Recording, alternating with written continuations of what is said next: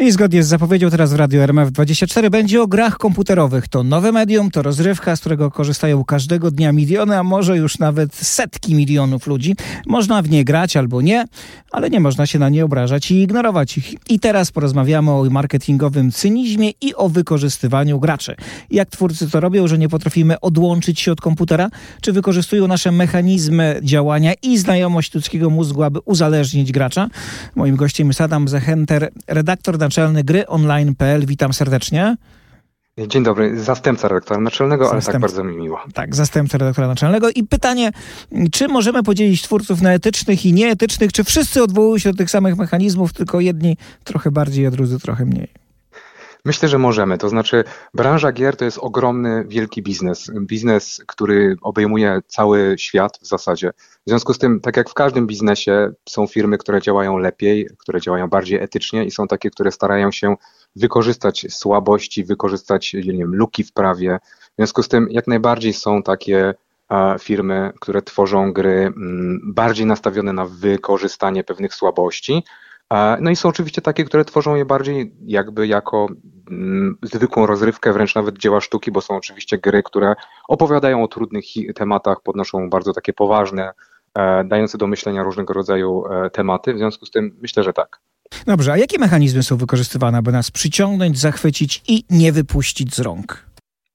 To jest bardzo dobre pytanie, bo e, ono jest w tym sensie podchwytliwe, że zasadniczo celem twórcy każdego twórcy, jak sądzę, jest stworzenie dzieła, które będzie się podobało jego odbiorcom, prawda? Czy jeżeli ktoś pisze kryminał, to chciałby, żeby.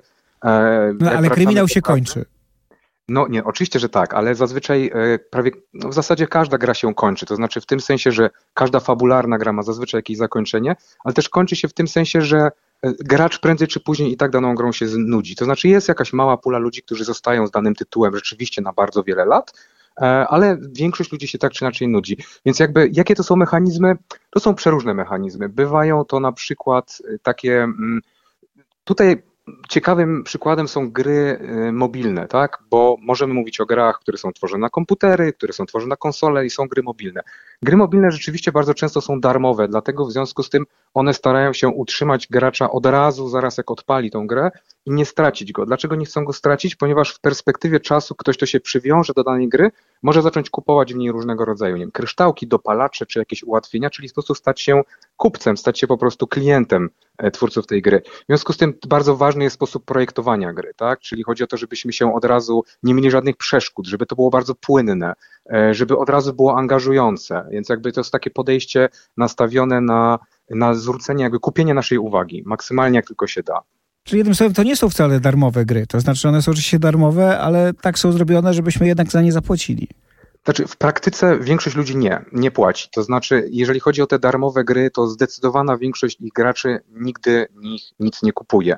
E, tak naprawdę te gry bardzo często, zwłaszcza te tworzone już tak bardzo ostro z, z myślą o tym, żeby wykorzystać e, część graczy, e, to są na przykład gry, których jest element rywalizacji między graczami. I to e, nas bardzo mocno angażuje, bo chcemy być lepsi. Są osoby, które, żeby być lepszymi od innych, są gotowe zapłacić, są gotowe bardzo dużo zapłacić. W branży gier mobilnych mówi się o takich osobach per wieloryby. Wieloryby, czyli e, to są te wielkie ryby, które trzeba wyłowić z oceanu, e, tych różnych małych, drobnych płotek.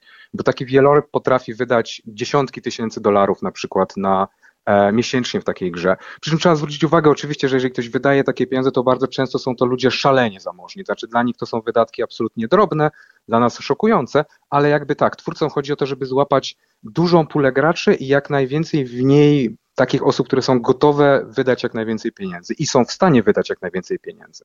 Y, przejdźmy teraz do takiego pozwu zbiorowego przeciwko, twór, przeciwko Epic Games, czyli twórcy Fortnite'a.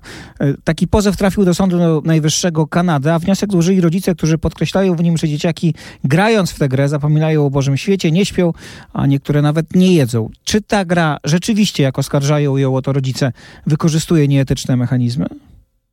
Hmm, to jest. Fortnite jest szalenie popularną grą, jedną z najpopularniejszych gier na świecie i na, na, takich grach zazwyczaj skupia się uwaga, nie tylko na grach, ale w ogóle na tym, co jest popularne, skupia się uwaga. I akurat ja się nie zgodziłbym z tym, to znaczy amerykańska specyfika, mm, moda, kultura pozywania różnych firm i różnych osób za różne rzeczy, tutaj się właśnie w ten sposób objawia, bo wydaje mi się, że akurat Fortnite należy po prostu do gier bardzo dobrych, dobrze zaprojektowanych, ale w takim sensie, że po prostu angażujących w końcu. O to chodzi, prawda, żeby sprawiała nam przyjemność. I e, oczywiście, że każda gra może uzależnić, e, i jakby problem uzależnienia mm, jest jakimś tam elementem całej tej naszej rzeczywistości, ale mówię nie tylko w grach, bo uzależnić się można od bardzo wielu rzeczy, można się od zakupów na przykład, tak? Więc jakby, czy Fortnite akurat jest tym mm, przykładem, nie wiem, jakiejś złej, cynicznej e, gry, której twórcy chcą nas wykorzystać i uzależniają dzieci od niej? Myślę, że nie.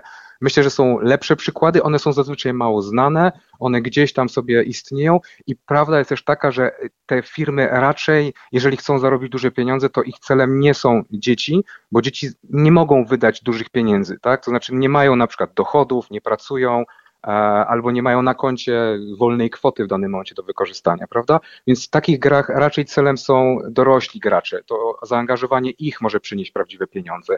Zaangażowanie młodszego odbiorcy może przynieść, jak sądzę, raczej takie małe mikropłatności, drobne, chociaż oczywiście jak tych graczy są miliony, no to z tych drobnych mikropłatności biorą się oczywiście całe miliardy, więc jakby, ale mówię, to jakby w przypadku Fortnite'a to mi się wydaje tutaj trochę specyfika amerykańskiej kultury, która jakby to procesowanie się, nawet zresztą kojarzymy przecież z filmów i seriali, jak ważną rolą e, są przecież e, seriale czy filmy procesowe dotyczące właśnie tego typu pozwów.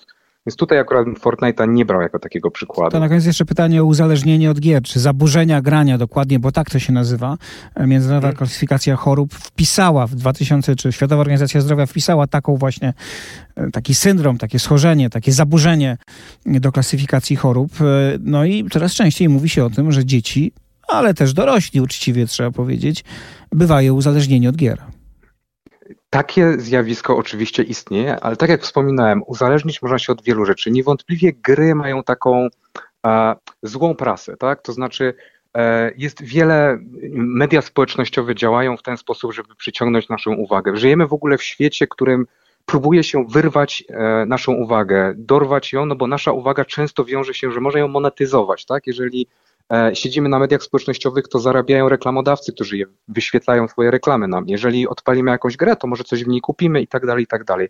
Więc jakby uzależnienie od gier oczywiście problemem jest. Jeżeli ktoś, tu, tutaj jest ważny taki czynnik, e, po pierwsze czasowy, a po drugie czy czasowy w tym sensie, że to musi być problem, który trwa rzeczywiście bardzo długo, na przykład miesiące, a po drugie to musi być problem, który prowadzi do rzeczywistych problemów w życiu codziennym, tak jak zresztą w ogóle mówi się o większości uzależnień, bo uzależnić można się od różnych rzeczy, które wydają tak, się zupełnie... uzależnienie jest dopiero wtedy, jak, jak szkodzi nam w życiu, to prawda, podobnie jak zresztą w ogóle diagnozuje się cokolwiek. Bardzo dziękuję.